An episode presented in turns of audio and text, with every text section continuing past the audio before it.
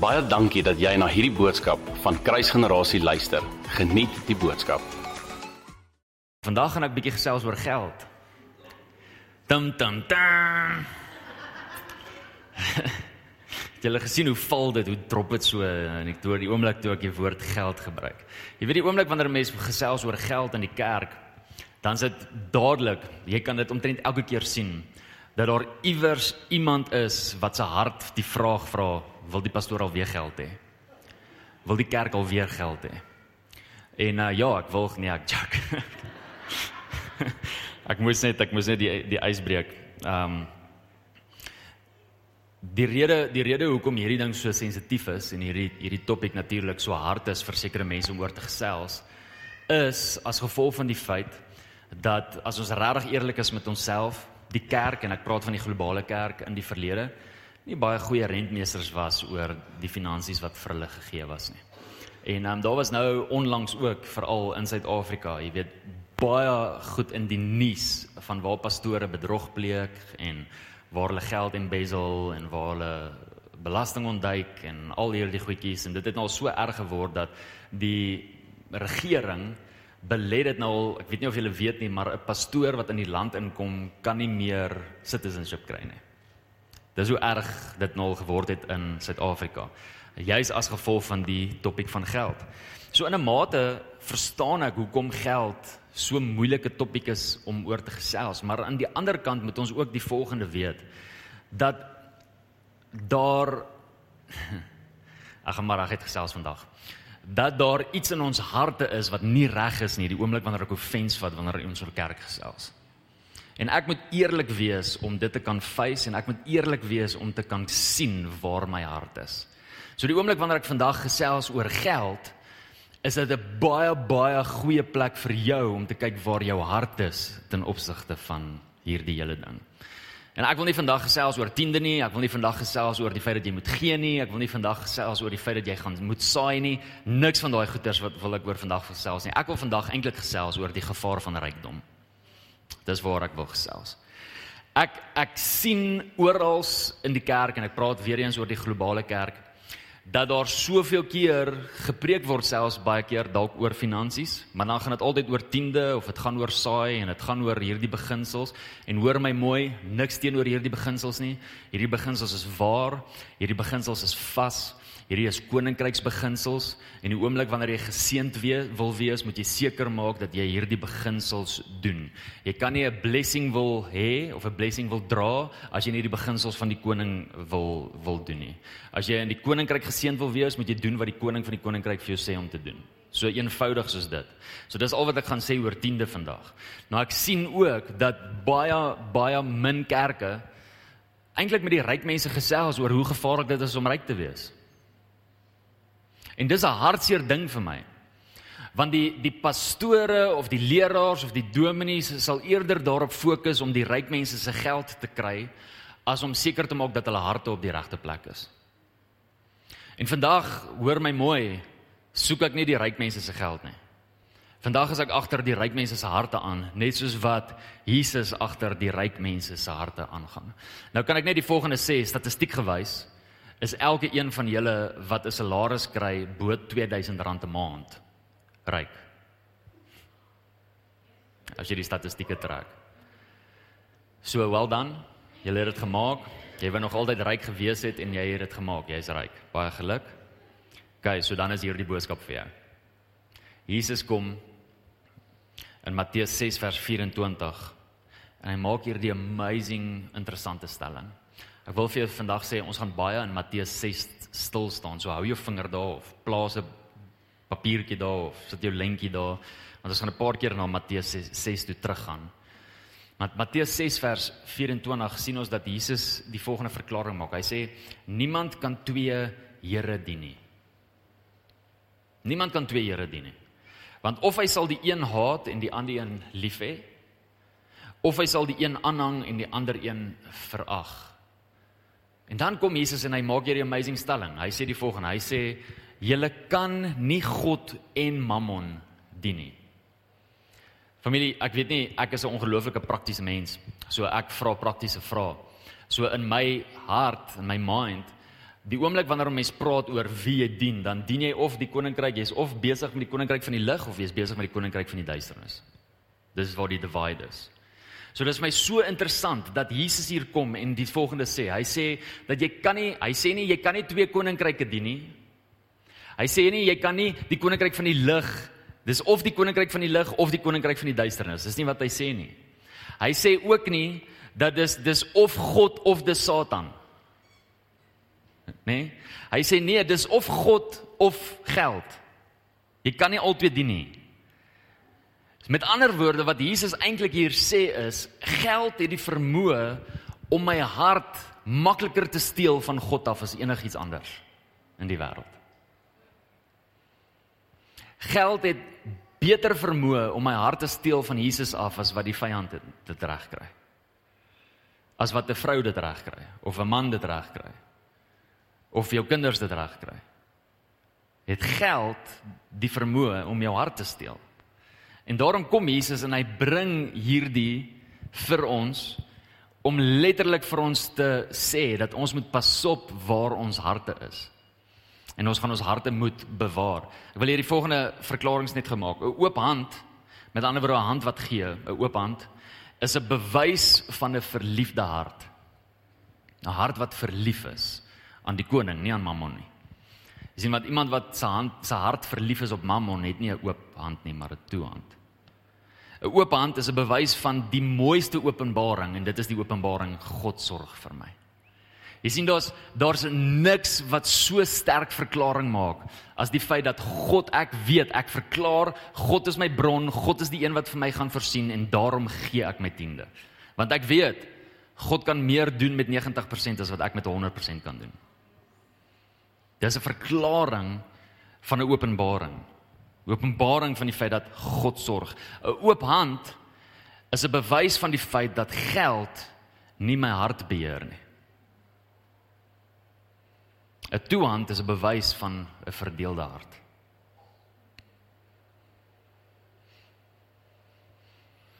As ons kyk na Judas se lewe, vir die van julle wat nie weet nie, Judas was een van Jesus se disippels. Partykeer moet 'n mens Sondagskool 101 uithaal by 'n kerk want baie min mense weet. Maar Judas was een van Jesus se disippels. So hoor gou net gou hier mooi. So Judas lewe vir ongeveer 3 jaar saam met Jesus. Hy wandel saam met Jesus. Hy spandeer tyd saam met Jesus. Hy sien Jesus se liefde vir mense. Hy sien Jesus se optrede teenoor mense. Hy sien Jesus se optrede teenoor sonde. Hy sien en luister na Jesus se teachings, na sy leringe en hy sien letterlik Jesus se wonderwerke. Hy sien die tekens en die wonders en die feit dat hy gesalf is as die Messias. En in dit kies hy om Jesus te verraai vir geld wil vandag vir jou sê dat as dit die geval is, as daar 'n disipel is wat vir 3 jaar elke dag in Jesus se teenwoordigheid is, elke dag luister na sy woorde, elke dag op 'n plek is waar hulle sien hoe hy optree, sien wat sy wonderwerke doen, as daai disipel se hart verdraai kan word en verlief word op geld sodat jy die seun van die mens verraai, wie is ons om te dink dat ons harte oukei okay is? Wat nie eers elke dag met hom tyd spandeer nie. Wat nie eers elke dag na sy woord luister nie. Wat nie eers elke dag sy wonders en sy tekens sien nie. As dit die geval is, kerk, moet ons net die volgende sê, dat is eintlik scary dat die kerk so min gesels oor die gevaar van geld. Die gevaar van rykdom. Dis eintlik hartseer dat die kerk so min daar gesels. Gou 'n paar voorbeelde van mense in die Bybel wat se hart verdraai het as gevolg van finansies. In Josua 7 sien ons dat daar 'n man is met die naam van Agan. So net bietjie konteks. In Josua 6 is hierdie amazing oorwinning waarvan julle almal weet, ook Sondagskool 101, dis toe hulle vir Jerigo verslaan deur sewe keer om te gaan en die mure val. Grootste stad in die beloofde land. Val eerste. OK. Jesus, ek bedoel God gee 'n opdrag en sê vir die volk, julle mag geen byt vat nie. Julle mag niks van daai besittings, niks van daai rykdom, niks van dit mag julle saam julle vat nie. Dis die grootste stad, daar's baie rykdom. En God sê vir hulle jy mag niks vat nie. En Agan sien 'n paar goedjies en sy hart is net soos niemand gaan weet nie. En hy druk 'n paar goed in sy sak. En daarna kom hulle by die volgende stad met die naam van Ai. Nou Ai was eintlik nie 'n stad nie, dit was 'n dorpie. En in die beloofde land was dit die kleinste dorpie. En hier trek die volk, die leer van Israel trek trek op om Ai te gaan oorwin en hulle kom hulle mees hulle Moses te. Hulle verloor. Ai verslaan hulle. Ai. En die rede hoekom hulle verloor het, was as gevolg van die feit dat Agan hierdie belofte gebreek het, hierdie hierdie hierdie gehoorsaamheid nie nagekom het nie. Dit wat God gesê het, letterlik teengedraai het. En Joshua val met sy knie op die grond en hy bid tot die Here en hy smeek tot die Here en sê Here, U het ons in die beloofde land ingelei. Ons het hierdie sterk stad gewen. Ons kan nie hierdie klein plekkie oorwin nie. Wat gaan van ons word? En die Here kom na Joshua toe en sê vir hom, Joshua, hoekom lê jy daar? Dit is altyd van die as die Here na jou toe kom met 'n vraag. En weet hy weet wat die antwoord is van die vraag. Dit is eintlik retories. Hoekom lê jy daar? Hy sê staan op want julle het gedoen wat ek vir julle gesê het julle nie moet doen nie. Gaan gesels met Agan. En Josua konfronteer vir Agan. En op die einde van die dag kom dit toe nou uit. En weet julle wat het gebeur? Agan Agan se hart van bedrog het gemaak dat die Jode Israel 'n geveg verloor en dit het gemaak dat Agan gestenig is op die einde van die dag. As gevolg van 'n hart wat verhard was. Dan sien ons nog 'n verhaal. Ons sien daar was 'n vrou gewees met die naam van Delilah. Delilah het opgetrek en verlief geword op Samson. Maar hulle het hom, die Filistyne, het haar betaal, skus vir Delilah, betaal om by Samson te hoor, "Wat maak jou so sterk?" Hulle het haar geld gegee daarvoor. So sy het vir Samson verraai as gevolg van geld. Jy kan daarvan lees in Rigter 16. Dan sien ons natuurlik vir Judas waaroor ek nou net gepraat het wat Jesus, die seun van die mens om dit weer gewandel het, verraai en verloon vir geld, 30 sikkels. 30 sikkels. En dan natuurlik in die Nuwe Testament hierdie amazing scary voorbeeld in Handelinge 5 van Ananias en Safira wat hulle besittings verkoop en net 'n gedeelte van dit terughou en ander gedeelte gee en die woord van die Here sê hulle het gejok vir die Heilige Gees en Petrus het hulle uitgevang en die Heilige Gees het hulle net daar doodgeslaan. Ek dink die oomblik wanneer ons kyk na hierdie voorbeelde en ons praat oor die gevaar van rykdom, is dit baie duidelik hoekom Paulus sê vir Timoteus om die ryk mense te vermaan. So ek gaan vir julle lees in 1 Timoteus 6 en ek wil hê jy moet saam met my so intoe blaai. Dis goed om saam met die woord uit te lees. 1 Timoteus 6 vanaf vers 6 tot 11 en dan gaan ons 'n gedeelte skiep en dan lees ons vanaf vers 17 tot tot 19. Um hierdie gedeelte lees ek vir julle in die New King James vertaling. 1 Timoteus 6 vanaf vers 6 af. So Paulus skryf aan sy geestelike seun en hierdie is wat hy vir hom sê. Hy sê now godliness with contentment is great gain. Godliness with contentment is great gain. Sê dis dis so goed vir jou as jy vergenoegd is terwyl terwyl jy goddelikheid najag. Jy het hulle geweet ek dink die woord vergenoegd is 'n vloekwoord in die kerk.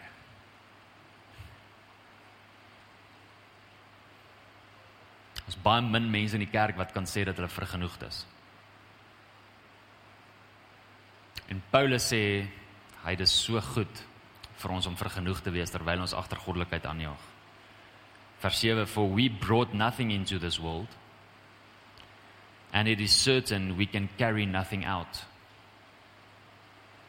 And having food and clothing with these we shall be content. Is jy nog vergenoegd met die feit dat jy klere het in jou kas? Is dit vir jou genoeg? Of is daar nog iets wat jy wil hê? Is daar nog iets waarna jou hart begeer? Is daar nog iets wat jy na wat jy aanjaag, najaag? But those who desire to be rich fall into temptation and a snare and into many foolish and harmful lusts which drown men in destruction and perdition. For the love of money is a root of all kinds of evil for which some have strayed from the faith in their greediness and pierced themselves through with many sorrows. Nou dag sien ek so 'n post op Facebook waar die ou sê as as geld die wortel is van alle ewel, hoekom vra die kerk deeltyd vir geld? Nou dis klink baie slim, maar dit help nie jy vat die skrif uit konteks uit en val die kerk aan nie. Want die woord van die Here sê nie geld is die wortel van alle ewel nie. Hy sê die liefde vir geld is die wortel en hy sê eintlik 'n wortel van alle ewel. So pas op vir die liefde van geld. Want is dit nie waarna Jesus ons kom herinner het of gewaarsku het in Matteus 6 vers 24 nie? Dat ons kan nie God dien en Mammon dien tergelyk nie. Ons gaan of die een haat en die ander een lief hê. Vers 11 But you O man of God flee these things and pursue righteousness godliness faith love patience and gentleness.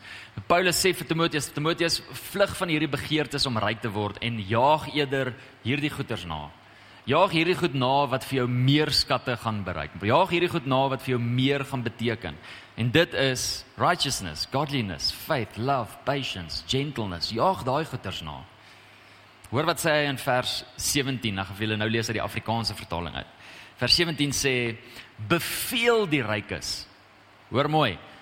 Beveel die rykes. Okay, so rykes, die woord van God beveel julle. OK? Beveel ons. Hoor mooi. In die teenwoordige wêreld om nie hoogmoedig te wees nie, en ook nie hulle hoop te stel op die onsekerheid van die rykdom nie, maar op die lewende God wat wat ons alles ryklik verleen om te geniet. So ons die woord van die Here beveel ons om nie ons vertroue op ons rykdom te plaas nie, maar ons vertroue te plaas op die een wat ons rykdom vir ons gee. En dis God. Vers 18 sê dat hulle goed moet doen en ryk wees in goeie werke, vrygewig en mededeelsaam. Die woord beveel ryk mense om vrygewig te wees en mededeelsaam te wees en vir hulle 'n skat weg te lê, 'n goeie fondament vir die toekoms sodat hulle die ewige lewe kan verwerf.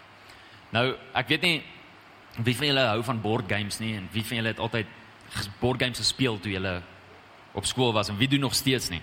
Ek moet sê so nou en dan like ek nog steeds 'n lekker board game. Dis nogal lekker. Een van die board games wat net so wat ons altyd gespeel het was Monopoly. Kyk as jy verdeeldheid wil hê in jou familie. Ja, vir rarig wil kyk waar die mense se hart is. Ek moet met julle eerlik wees, die oomblik toe ek hierdie gespeel het, het ek so 'n bietjie bedrog gepleeg. En ek het deels onder deur die tafel gedoen. Ek bely dit voor julle almal. Ek het dit regtig gedoen. En ehm um, die hartseer ding is is van daai tyd af het ek nog nie weer Monopoly gespeel nie want ek's bang my hart is nie reg rondom dit nie. Ek het baie lank lank Monopoly gespeel. Nee, die rede hoekom ek dit so lank lank speel is omdat dit so lankdradig is. Dit hou net nie op nie en jy gaan net om en om en om. Maar as jy Monopoly al gespeel het, dan weet jy dat daar's een erfie wat jy baie graag wil koop en dis Clifton. En as jy Clifton gekoop het, dan dan dan sit jy. Jy al die ander mense kan al die ander erfe hê, maar as jy Clifton het. Né? Nee? Nou weet julle, nou weet julle wat? Monopoly is 'n board game wat ons al die goederes uithaal, ons haal al die geld uit. Ons speel hier die game, daar's besittings wat ons koop, daar's erwe wat ons koop en die hele idee is om meer te besit as enigiemand anders wat die game het. En ook is die idee om die persone wat saam met jou te speel arm te maak sodat hulle jou kan ryk maak. Dis eintlik Jessie, hoekom speel ons hierdie game? Dis dis verskriklik. Maar weet julle wat? Op die einde van die dag word al hierdie rykdom wat ons gekry het deur hierdie game, of ons nou 2 ure gespeel het en of ons 8 ure gespeel het, of dalk 3 dae, ek weet nie hoe erg vat julle dit as 'n familie nie. Mens weet nie. Op die einde van die dag kom al daai goederes terug in die boks. En niks van dit is regte geld nie. En niks van dit is regte besittings nie. En niks van dit is regtig joune nie. Newsflash, jy het nie regtig Clifton gekoop nie. Okay, dit behoort nie regtig aan jou nie. En die waarheid van dit is en die les wat ons daaruit leer is dis presies hoe die lewe is. Dis my hartseer om te sien hoe kinders van die Here hierdie game van die lewe so hard wil speel sodat hulle die heeltyd goed kan bymekaar maak en die heeltyd goederes kan besit en die heeltyd sekere goederes najag. Het jy geweet op die einde van die dag gooi al daai goederes gaan terug in 'n boks in en jy vat niks saam met jou nie. Niks. Daarom skryf Paulus hier en hy sê vir Timoteus, sê vir hierdie mense dat hulle eerder vir hulle skatte bymekaar maak wat gaan hou. Het Jesus nie dit ook vir ons gesê nie? Gaan terug na Matteus 6 toe. Ek wil gesê hou julle vinger daar. Matteus 6 vers 19 tot 21. Jesus sê die volgende, hy sê moenie vir julle skatte bymekaar maak op die aarde nie. Waar mot en roes verniel en waar diewe inbreek en steel nie. Maar maak vir julle skatte bymekaar in die hemel waar geen mot of roes verniel nie en waar diewe nie inbreek en steel nie want waar julle skat is daar sal julle hart ook wees familie ons hoor hierdie so baie hierdie gedeelte sal so baie keer gepreek in die kerk so baie keer gemention in die kerk ons het al so baie keer raak gelees dat dit die waarde en die gewig van wat hierdie skrifvers vir ons sê baie keer net ligtelik opgeneem word niks van jou rykdom gaan vir jou enigiets beteken in die hemel nie. Die Here gaan na jou kyk en hy gaan vir jou sê welgedaan, goeie en getroue dienskneg. Nie welgedaan, goeie en getroue ryk mens nie. Nie welgedaan, goeie en getroue miljonair nie. Nie welgedaan, goeie en getroue een wat so baie besittings gehad het en so baie eiendom gehad het en so baie huise besit het nie. Welgedaan, goeie en getroue dienskneg. Met ander woorde, die Here gee vir ons sekere goed en hy kyk hoe bestuur ons dit wat hy vir ons gee. Is ons goeie rentmeesters van wat hy vir ons gee? Is ons goeie stewards van wat hy vir ons gee? Hoekom as die goeders van hierdie wêreld goed is wat ons nie gaan saamvat nie?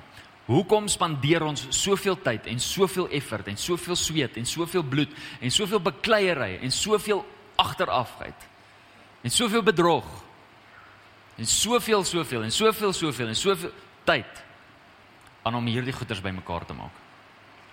Is dit regtig erg net nie gaan saak maak nie.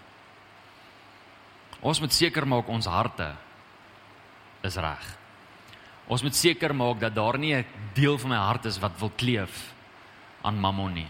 Ek moet seker maak dat daar nie iets is in my hart wat Mammon najag nie. Want as daar iets is wat Mammon najag, gaan ek dit moet bely en voor die Here bely as 'n sonde. Kan ek kan ek gou toelaat dat die woord van die Here gou tot ons spreek? Ek ek is regtig oortuig dat die woord van die Here, een skrifvers wat ek kan lees, baie meer gewig gaan dra as 1000 woorde wat ek kan sê.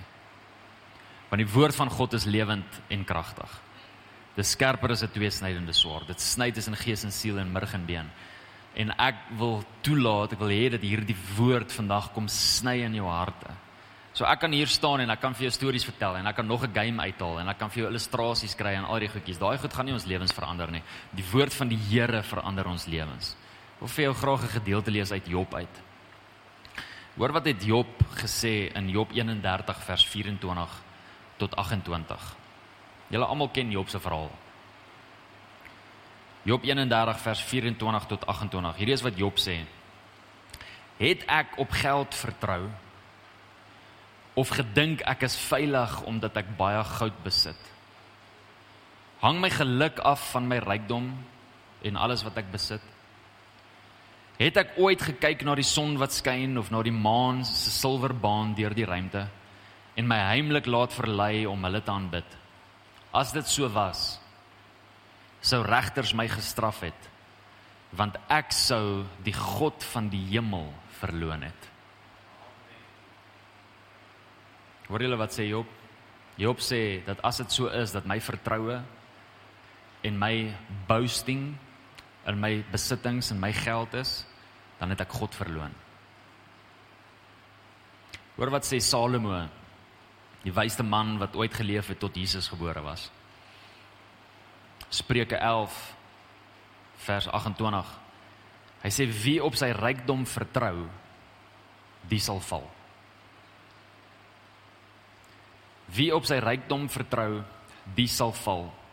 Maar die regverdiges sal soos blare uitspruit. Kan ek vir die volgende sê om kontent te wees, om vergenoegsaam te wees. kom nie uit die sekuriteit van ons besittings of ons finansies nie. Maar uit die openbaring van wie die een is wat vir ons sorg. Die oomblik wanneer jy die openbaring dra van die feit dat God vir jou sorg, dan kan jy vergenoegd wees. As jy nie daai openbaring het nie, gaan jy nooit vergenoegd wees nie. Maar as jy weet God is die een wat na my kyk. God is die een wat vir my sorg. Dan weet ek dat my hart op 'n plek kan wees waar vergenoegsaamheid deelagtig kan wees van dit wat hier binne in aangaan. Ek wil afsluit met hierdie laaste skrifversie weer terug na Matteus 6 toe. Matteus 6 lees ons verder vanaf vers 25 af. Praat Jesus. Hy hou aan praat en hy sê: "Hoekom bekommer julle julle oor die dag van môre?" Daai daai gedeelte, julle ken daai gedeelte, né? OK. Nou hoor hoor wat sê hy in vers 31 en 32. Hy sê hy sê die volgende. Eers vra hy: "Hoekom bekommer julle?" En hoor wat sê hy in vers 31. In vers 31 sê hy: "Moet julle dus nie bekommer nie." Moet julle dus nie bekommer en vra: "Wat sal ons tog eet?" Of wat sal ons drink? Of wat sal ons aantrek nie? Hoor wat sê vers 32. Dit is die ongelowiges wat oor hierdie soort dinge begaan is. Julle wat sê Jesus? Jesus sê die oomblik wanneer ek worry oor die dag van môre, die oomblik wanneer ek besorgd is oor wie na my gaan kyk, oor waar my kos vandaan kom, oor waar my klere vandaan kom, hoe ek my rekening gaan betaal, oor hoe ek deur die maand gaan kom, die oomblik wanneer ek so optree, dan tree ek op soos 'n ongelowige. Ek tree op soos iemand wat God nie ken nie. Ek tree op soos iemand wat God se hart nie verstaan nie. Ek tree op soos iemand wat weet of nie weet dat God 'n Vader is nie. Hier's baie vaders in hierdie huis. En ek kan jou beloof dat dit geen vader in hierdie huis se begeerte is vir hulle kinders om honger te ly nie. Geen vader nie. Hoekom sal ons ooit kan dink? Weet julle dat dit hoogmoedig is om te dink dat ek beter na my kinders kan kyk as wat God na my kinders kan kyk? Want die oomblik wanneer ek dit dink, dan verklaar ek dat ek 'n beter vader is as hy. Dan verhef ek myself bo hom. Dis hoogmoed. En daar is nie 'n vader soos hy nie. Nie eers die beste vader op hierdie wêreld, hierdie aarde kan naby aan hom kom nie. Jy kan al die vaders in die hele wêreld bymekaar sit en almal se goeie eienskappe uittrek en dit bymekaar sit en dit val nog steeds kort van hoe goeie vader hy is. En hoor wat sê Jesus in die laaste gedeelte van vers 32. Julle hemelse Vader weet tog dat julle dit alles nodig het. God weet wat jy nodig het. Hey, familie. Abba Vader weet wat jy nodig het. Hoor mooi, nie wat jy wil hê nie, wat jy nodig het. Hy weet. En ons het die voorreg om hom te kan vertrou. Ons het die voorreg om ons lewens in sy hande te kan te kan plaas. En om ons harte te toets en seker te maak dat Heilige Gees met ons kom gesels. Dat as daar net so klein gedeelte van my hart is wat wil neig na Mammon toe. As daar net so klein gedeelte van my hart is wat wil ag net nog ietsie wil hê. Net ag dalk moet ek net nou 'n nuwe kar. Daar's niks fout met my kar nie, maar dalk moet ek net nou net 'n ander kar. Ag ek ek sou lus net vir 'n ander kar of of dalk wil ek net 'n ander huis hê of dalk is daar net een of ander besitting of net 'n oorlosie of dalk 'n 'n iPad of dalk 'n wat ook al jy het of wat ook al jy najaag, wat ook al daar is. Dalk is daar net so klein stukkie van Mammon wat besig is om te klop aan ons harte. Wat ons net moet sê, luister, kan jy asseblief net bedaar en vir my op jou plek gaan sit want ek dien jou nie. Ek dien God. Weet jy dat dat die woord, die Griekse woord vir die woord dien daar in Matteus 6 vers 24, die Griekse woord vir die woord dien daar beteken om slaaf te wees. So ek is of 'n slaaf van God wat ek wil wees en jy ook as jy dit nie geweet het nie jy wil daarvoor volunteer om 'n slaaf te wees vir God okay of jy's 'n slaaf van mammon met ander woorde of jy laat toe dat geld jou bestuur of jy laat toe dat geld jou besluite vir jou neem of jy laat toe dat geld jou familie vir jou bestuur. Ek het al te veel gesien hoe mense kinders van die Here wat lief is vir die Here verkeerde besluite neem as gevolg van die feit dat daar 'n beter geldgeleentheid is. Mans wat oor see gaan werk en hoor my maar is niks verkeerd met oor see gaan werk nie. Maar as jy gaan oor see gaan werk ten koste van jou familie, dan dan ek 'n issue daarmee.